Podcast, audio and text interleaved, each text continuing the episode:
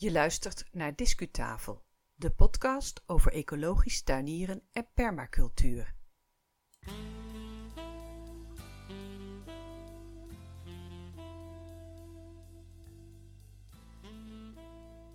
Welkom bij de Discutafel podcast. Mijn naam is Yvonne Smit. Fijn dat je weer luistert. Vandaag is het 17 mei 2018. We besteden deze keer onder meer aandacht aan de smeerwortel en aan reacties van luisteraars. Eerst een actueel nieuwtje. In samenwerking met Veld Den Bos stel ik mijn tuin open voor geïnteresseerden op 21 mei. Ik maak dan ook opnamen voor de Discutafel podcast. Ga naar de aankondiging van deze open tuinmiddag op Tweede Pinksterdag. De link staat in de shownote van vandaag. Maar vooruit, we gaan van start.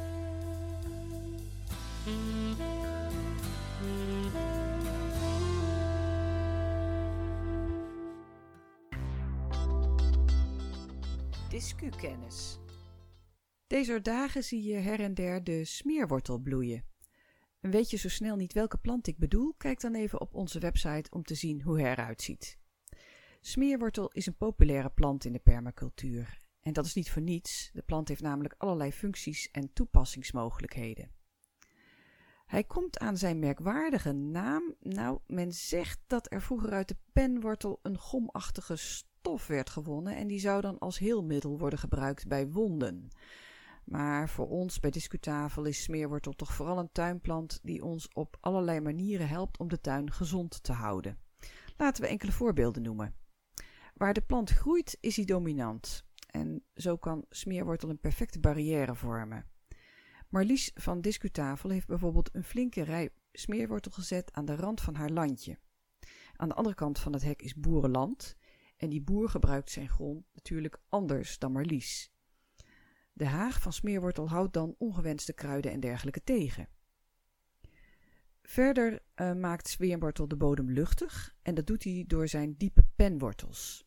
Nou zit ik zelf op zandgrond, dus die luchtigheid dat zit wel goed, maar Marlies werkt op klei en zij zet de plant dus in als verbeteraar van de bodemstructuur.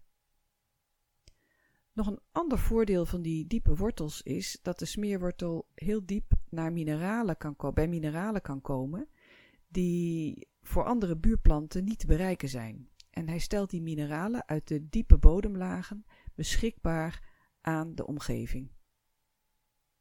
Nou zijn we er nog niet als het gaat met die lofreden op de smeerwortel. Ga naar discutafel.nl en ontdek wat de plant dan nog meer voor je in petto heeft voor jouw ecologische tuin. Als je smeerwortel ook eens wilt proberen, steek dan een jonge plant uit bij een vriend of vriendin, want dan zijn die penwortels nog niet zo uh, diep, en zet hem in je eigen tuin. Doe dat met de gewone smeerwortel. Nou, die gewone smeerwortel die zaait zich behoorlijk uit, dus je zou het ook eens kunnen proberen met de zogenoemde Russische smeerwortel.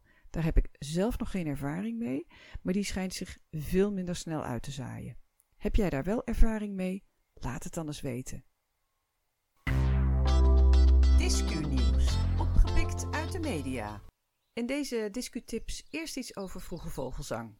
Op 1 mei jongstleden zond het radioprogramma Vroege Vogels in samenwerking met uh, andere Europese natuurprogramma's live de vogelzang uit van 3 uur s'nachts tot 7 uur s ochtends. Een nachtelijke vogelopera, zo gezegd. Helemaal passend bij mindfulness en de behoefte om te ontstressen. Luister de uitzending terug via de website van NPO Radio 1. Nog meer over vogelzang? Woon je in de omgeving van weiden en wil je de vogelgeluiden daar beter leren herkennen? We hebben op onze site een linkje geplaatst naar een goed filmpje hierover met de titel Herken 25 weidevogels en hun zang. Dan de voedselkaravaan. In 2018 gaat Voedsel Anders de stad in en de boer op met een voedselkaravaan die door Nederland trekt. In elke regio halen ze nieuwe verhalen en aanbevelingen op over de transitie naar een duurzaam en rechtvaardig voedselsysteem. De voedselkaravaan doet onder meer Den Haag aan en wel op 26 en 27 mei. Tot slot een tip van een luisteraar over open tuindagen en wel net over de grens bij Kleef. Imkerei am Niederrhein, ze noemen zich Ein gesundes Stück Natur, gooit deze lente en zomer op diverse dagen de poorten open. Details over deze onderwerpen kan je nalezen in de shownote van deze aflevering op de website.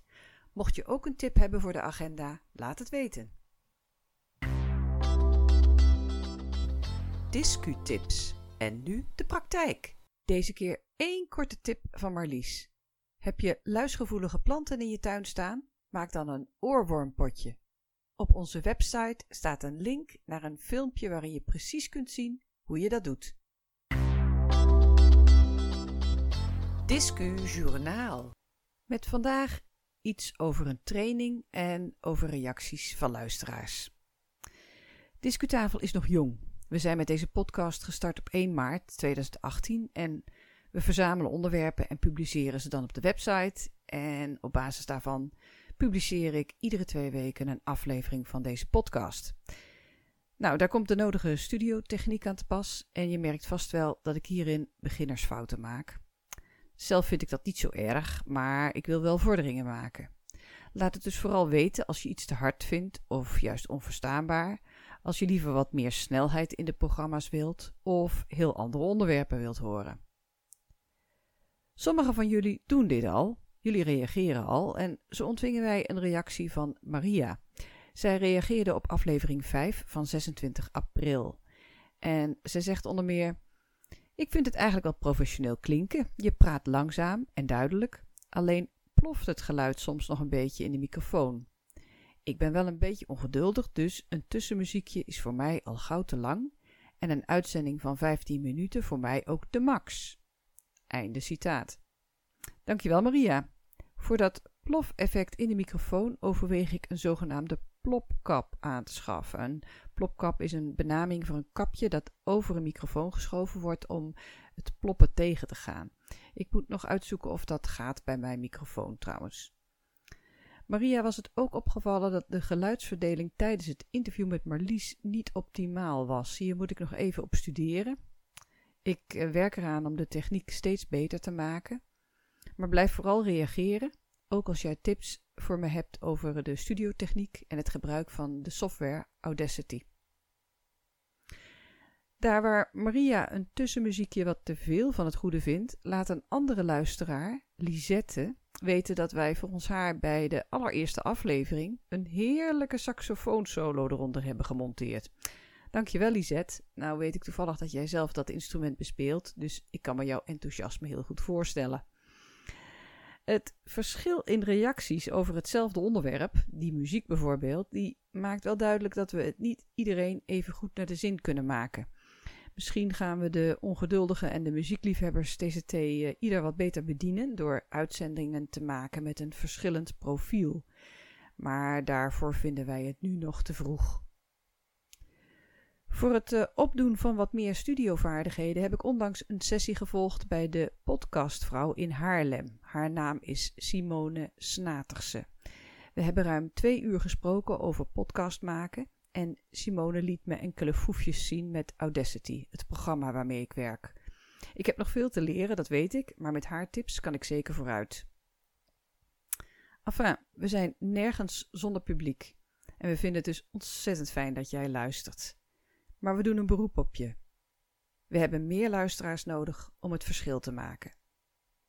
Voor zover ons bekend is Discutafel de allereerste Nederlandse podcast die is gewijd aan ecologisch tuinieren en permacultuur.